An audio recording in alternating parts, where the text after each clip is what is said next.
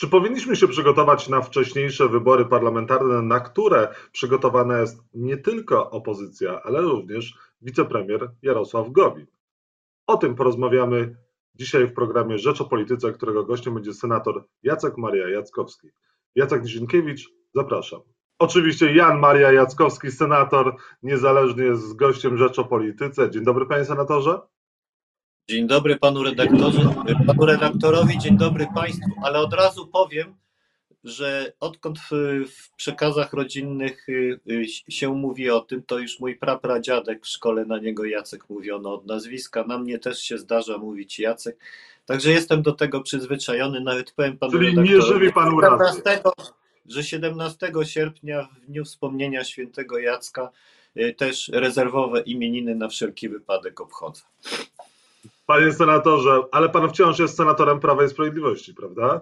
Tak jest. Jestem członkiem klubu parlamentarnego Prawo i Sprawiedliwość, natomiast nie jestem żadny, członkiem żadnej z partii, która stanowi obóz Zjednoczonej Prawicy. Będą wcześniejsze wybory? Partia rządząca przygotowuje się na wcześniejsze rozdanie?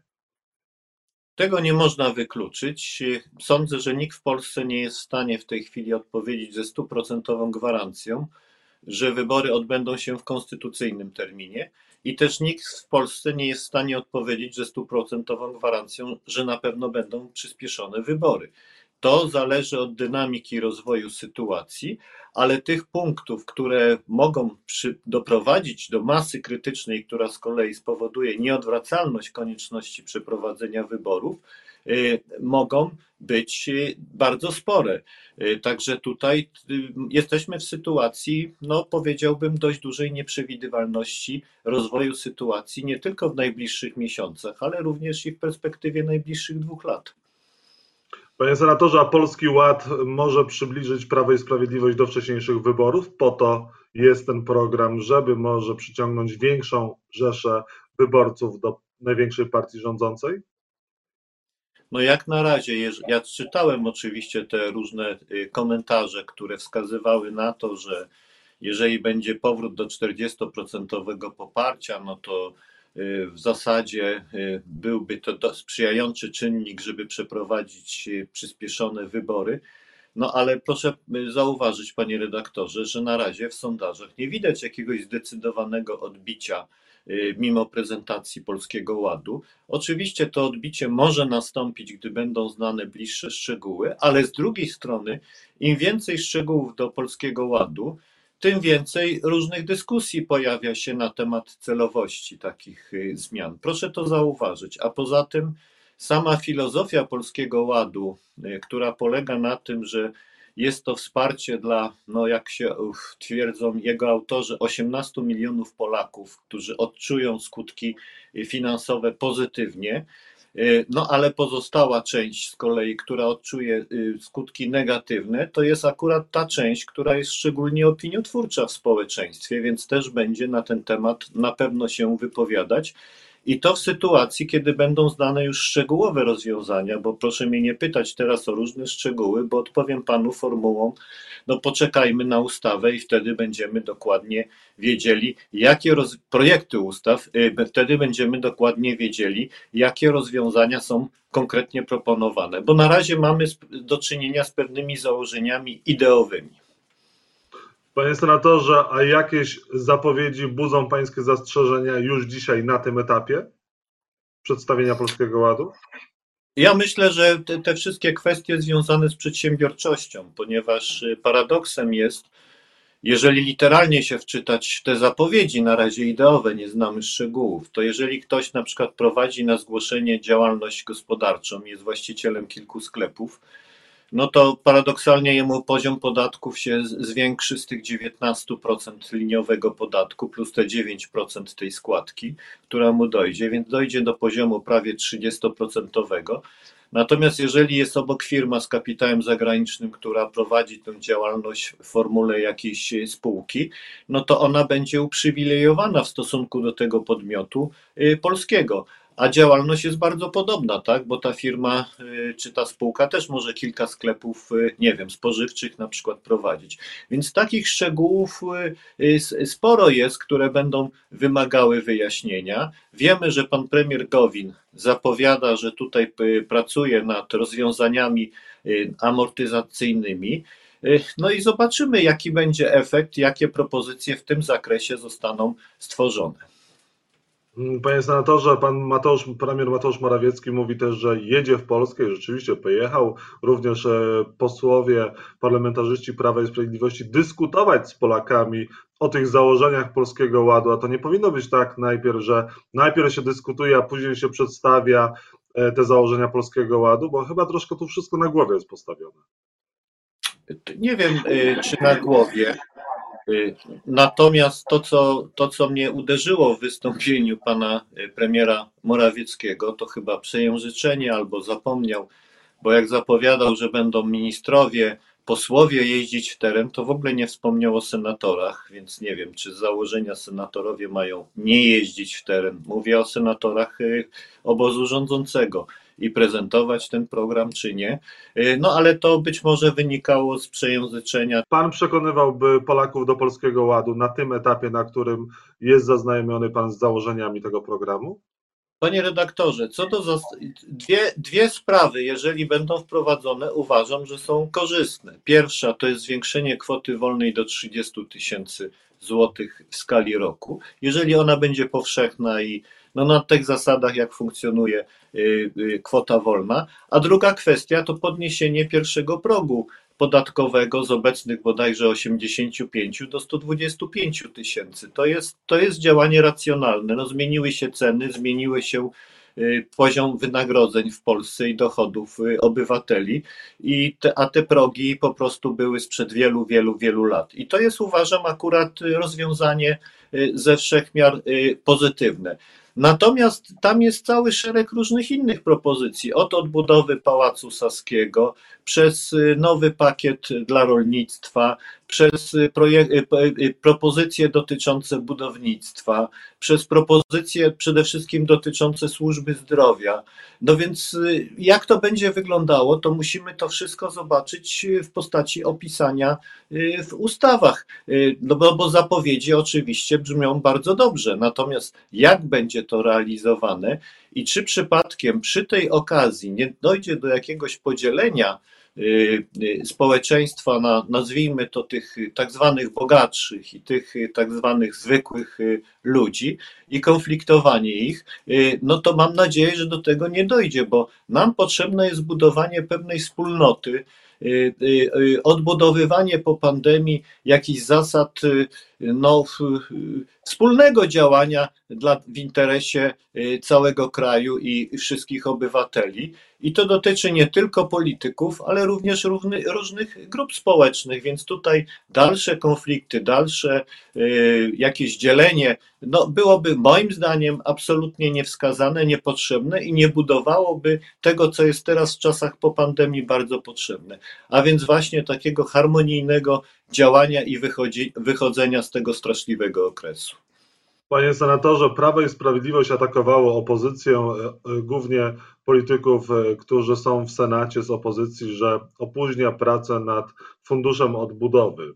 Były urządzane liczne konferencje, że Senat jest przeciwko przyznaniu Polakom unijnych pieniędzy, no a teraz rządzący sami proszą o miesiąc zwłoki w sprawie oceny KPO. O co chodzi? No, to było takie twierdzenie polityczne, dlatego że mm, proszę zauważyć, że y, y, bardzo długo trwało, zanim rząd skierował ustawę ratyfikacyjną do, y, do parlamentu. No przecież gdyby była stabilna sytuacja wokół poparcia, wokół tej ratyfikacji w ramach obozu Zjednoczonej Prawicy, to zapewne rząd by przynajmniej półtora miesiąca, a może dwa miesiące wcześniej skierował tę sprawę. Z drugiej strony opozycja, no tu trzeba obiektywnie stwierdzić, no sama się zakiwała, ponieważ w Sejmie była za, a nawet przeciw, i, i jak wiadomo, Platforma wstrzymała się przy tej ratyfikacji, no to próbowała to od, odkręcić w Senacie przez dodanie preambuły, która z punktu widzenia nazwijmy to czysto prawnego, była wątpliwa, czy taki y, dodanie jest potrzebne. To były wyroki Trybunału Konstytucyjnego. Ja oczywiście głosowałem przeciwko wprowadzeniu tej, y, tej preambuły, właśnie dlatego z powodów czysto prawnych i też traktatowych, że nie dodaje się y, tych preambuł do, do, tej, do ustaw ratyfikacyjnych, ale proszę zauważyć, że na własne życzenie przegrała jeszcze opozycja w Senacie to głosowanie, które jakoby było pretekstem przedłużania y, y, prac nad tą ustawą. Co ciekawe, panie redaktorze, ja pytałem się w trakcie debaty y, na temat szczegółowego harmonogramu spłat, jak to będzie wyglądało, ponieważ to nie jest tak, jak się przedstawia propagandowo opinii publicznej, że to będzie deszcz darmowych pieniędzy. Część będzie rzeczywiście y, niezwracalna, ale część to będą y, pożyczki, za które trzeba będzie po prostu płacić w postaci wyższej składki członkowskiej. I to nie mało, bo od 2000 bodajże 27 roku czy 8 do 2058 roku, więc można powiedzieć, że pokolenie dzisiejsze dzisiejszych rządzących zadłuża następne pokolenia, tych, którzy jeszcze nawet y, może się nie urodzili albo są y, niepełnoletni i nie głosują, y, w imię właśnie tych środków, które ja nie kwestionuję, że one są potrzebne. Natomiast warto szczegółowo o tym mechanizmie porozmawiać i na moje odpowiedzi przyznano, że podczas posiedzeń komisji, które się zajmowały y, tą ratyfikacją, na ten temat szczegółowo nie było mowy. Dopiero y, podczas posiedzenia plenarnego pytałem wiceministra finansów, który sam stwierdził, że nie wszystkie aspekty są jasne tego, y, tego spłacania i co do tego, co do tych zasad, dopiero zostaną określone sposoby zaciągania tych tych zobowiązań i sposoby ich spłaty. No więc y, odpowiedzialni ludzie, jeżeli podejmują tego typu y, decyzję, która będzie skutkowała obciążeniami finansowymi dla całego państwa, no powinni znać przynajmniej zasady y, funkcjonowania tego mechanizmu, żeby nie było tak, jak przy okazji kredytów frankowych, że część tych kredytobiorców y, twierdzi słusznie, że nie uzyskała pełnej informacji y, co do zasad funkcjonowania tego instrumentu finansowego i dzisiaj ma powszechnie znane problemy. Y, pewnie dyskusja jest przed nami na ten temat, to nieuniknione, ale panie senatorze, zostały nam dwie minuty, jeszcze mam trzy kwestie do pana. Pierwsza kwestia, czy raport NIK-u jest problemem dla obozu władzy i te kwestie dotyczące wyborów kopertowych, jak również informacje na temat y, programu budowy promów Batory, który rząd przyjął w 2017 roku, no miały powstawać promy, nie powstały. Joachim Brudziński, który zapowiadał, że one powstaną, dzisiaj mówi, że nie ma zamiaru przepraszać y, i tłumaczyć się ze swojego zaangażowania i wiary. Więc pierwsza sprawa, czyli wybory kopertowe. No w sposób oczywisty jest to problem dla e, obozu rządzącego. I proszę zauważyć, że na mocy ustawy o Najwyższej Izbie Kontroli, nawet gdyby prokuratura nie wszczęła postępowań, no a można domniemywać, że tak w tym wypadku będzie z różnych sygnałów. No nie mamy czasu, nie będę tego szczegółowo może w tym momencie rozwijał. Tak. Natomiast jest możliwość, że wtedy Najwyższa Izba Kontroli za pośrednictwem prokuratury bezpośrednio zwraca się do sądu, aby tę kwestię rozstrzygnął. I być może będziemy świadkami tutaj, y, że to postępowanie przed sądem może się okazać nieuniknione. Oczywiście, jaki będzie wynik tego postępowania, to już jest odmienny temat. Ja się na tę kwestię nie chcę wypowiadać.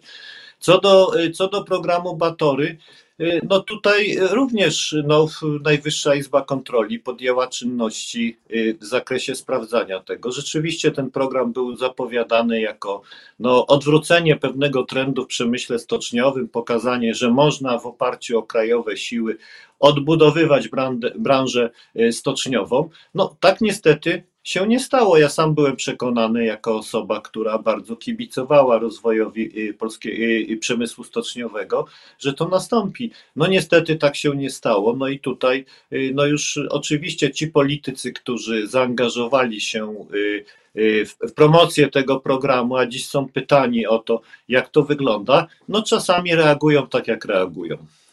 Mhm. Marian Banaś jest problemem dla Prawa i Sprawiedliwości? Powinien przestać być szefem NIK-u? No, panie redaktorze, pyta pan człowieka, który akurat nie głosował y, podczas tego słynnego głosowania y, w parlamencie za jego kandydaturą, więc mam pewien, y, pewien no nazwijmy to, dystans do, do tej całej sprawy. I powiem tak, no, mm, Ważne jest, jak jako, jako bardzo ważny organ, najważniejszy w zasadzie organ kontrolny państwa, Najwyższa Izba Kontroli będzie działała. Czy w sposób merytoryczny, obiektywny, a to oznacza też, że może być niewygodna dla obecnie rządzącej ekipy, czy będzie instrumentem rozgrywki y, no, politycznej czy personalnej między obozem rządzącym a y, prezesem Marianem Banasiem. Bo tu musi się ta sytuacja, moim zdaniem, wyklarować. I oczywiście ja jestem zwolennikiem tego pierwszego, żeby ona działała w sposób merytoryczny, jako bardzo ważny organ kontroli państwa, będący takim elementem dyscyplinującym y, funkcjonowanie administracji publicznej. Panie senatorze, zagłosuje pan w Senacie za e, nowym szefem IPN-u, który został wybrany przez Sejm? Y, został wybrany przez Sejm i zgodnie z ustawą ma być zatwierdzany w Senacie i oczywiście będę głosował zgodnie ze stanowiskiem klubowym w tej sprawie.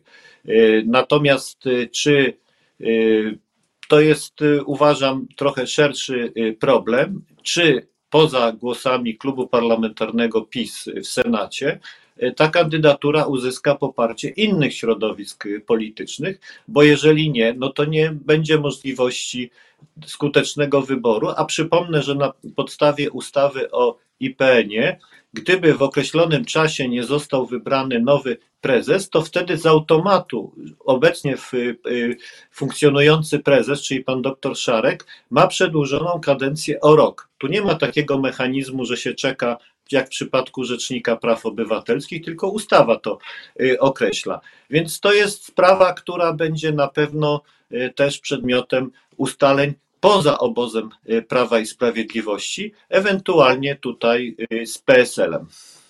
Panie senatorze, czy jest deal między Zjednoczoną Prawicą a PSL-em, czyli PSL poprze kandydata na e, IPN, a wtedy część Zjednoczonej Prawicy poprze kandydata opozycji na Rzecznika Praw Obywatelskich? No, y, początkowo wyglądała tak, że y, rysuje się taka możliwość porozumienia. Z punktu widzenia politycznego racjonalna, no bo skoro obóz rządzący nie ma większości w Senacie, musi szukać jakiegoś porozumienia, jeżeli chce w sposób skuteczny y, obsadzić urzędy, które wymagają w tej procedurze Senatu.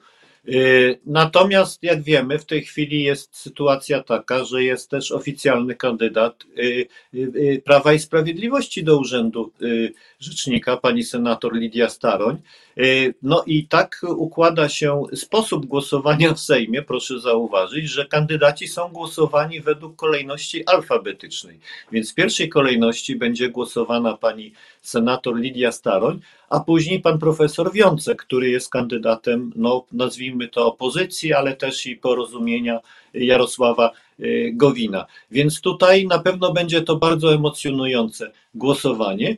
Tym bardziej, że języczkiem uwagi jest tutaj Konfederacja i tutaj różne sprzeczne sygnały płyną z tego obozu, y, a po drugie, no jest też grupa y, y, osób w ramach klubu poselskiego Prawa i Sprawiedliwości, które ma, która ma wątpliwości w stosunku do pani senator Staroń, ze względu na to, już to mogę jasno powiedzieć, zresztą o tym się mówi, że nie poparła naszego poprzedniego kandydata, myślę tutaj o panu doktorze Bartłomieju Wróblewskim, podczas głosowania w Senacie. No więc y, y, tutaj posłowie reagują w ten sposób. No dlaczego my mamy być lojalni w stosunku do osoby, która nie była lojalna w stosunku do naszego kandydata. Więc tutaj wynik tego głosowania może być bardzo różny.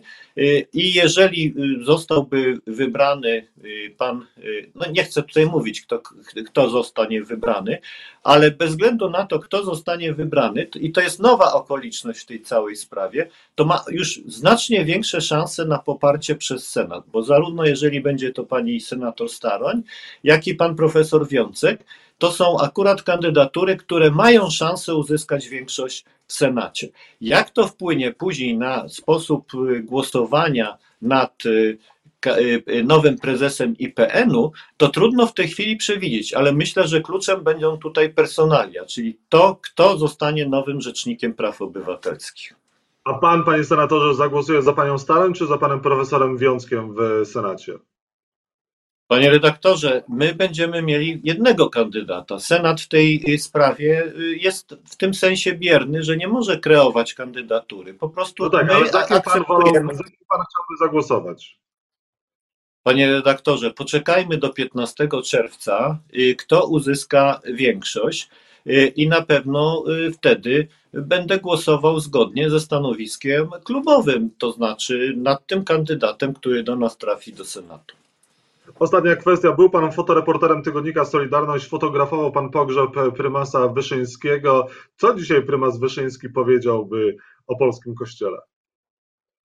No zapraszam na tę wystawę, która jest na krakowskim przedmieściu przy Kordegardzie. To są moje zdjęcia jako akredytowany fotoreporter tygodnika Solidarność 40 lat temu.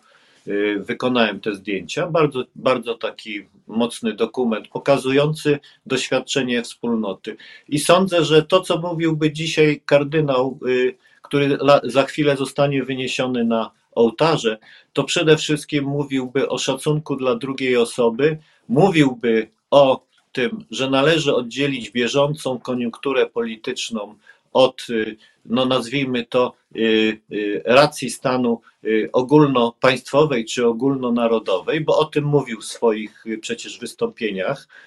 I wreszcie mówiłby o tym, że potrzebne nam jest doświadczenie wspólnoty, potrzebne nam jest odbudowanie wspólnoty, a więc to, że możemy się pięknie różnić w różnych kwestiach szczegółowych, natomiast stanowimy wspólnotę, łączą nas pewien katalog y, y, y, wartości, który jest dla nas wspólny i trzeba po prostu z wzajemnym szacunkiem do różnic, które w tym zakresie występują, występować i działać w życiu publicznym.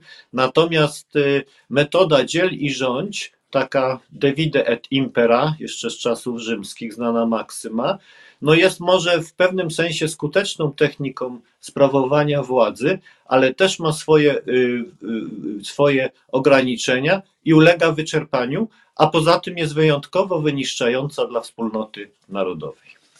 Myślę, że pod tymi słowami premasa Wyszyńskiego wszyscy się podpisujemy. Nasz czas uległ już dawno temu wyczerpaniu, dlatego musimy kończyć. Polecamy wystawę i polecamy również wciąż aktualne słowa premasa Wyszyńskiego. Warto się nad nimi pochylić. Senator Prawa i Sprawiedliwości Jan Maria Jackowski był Państwa i moim gościem.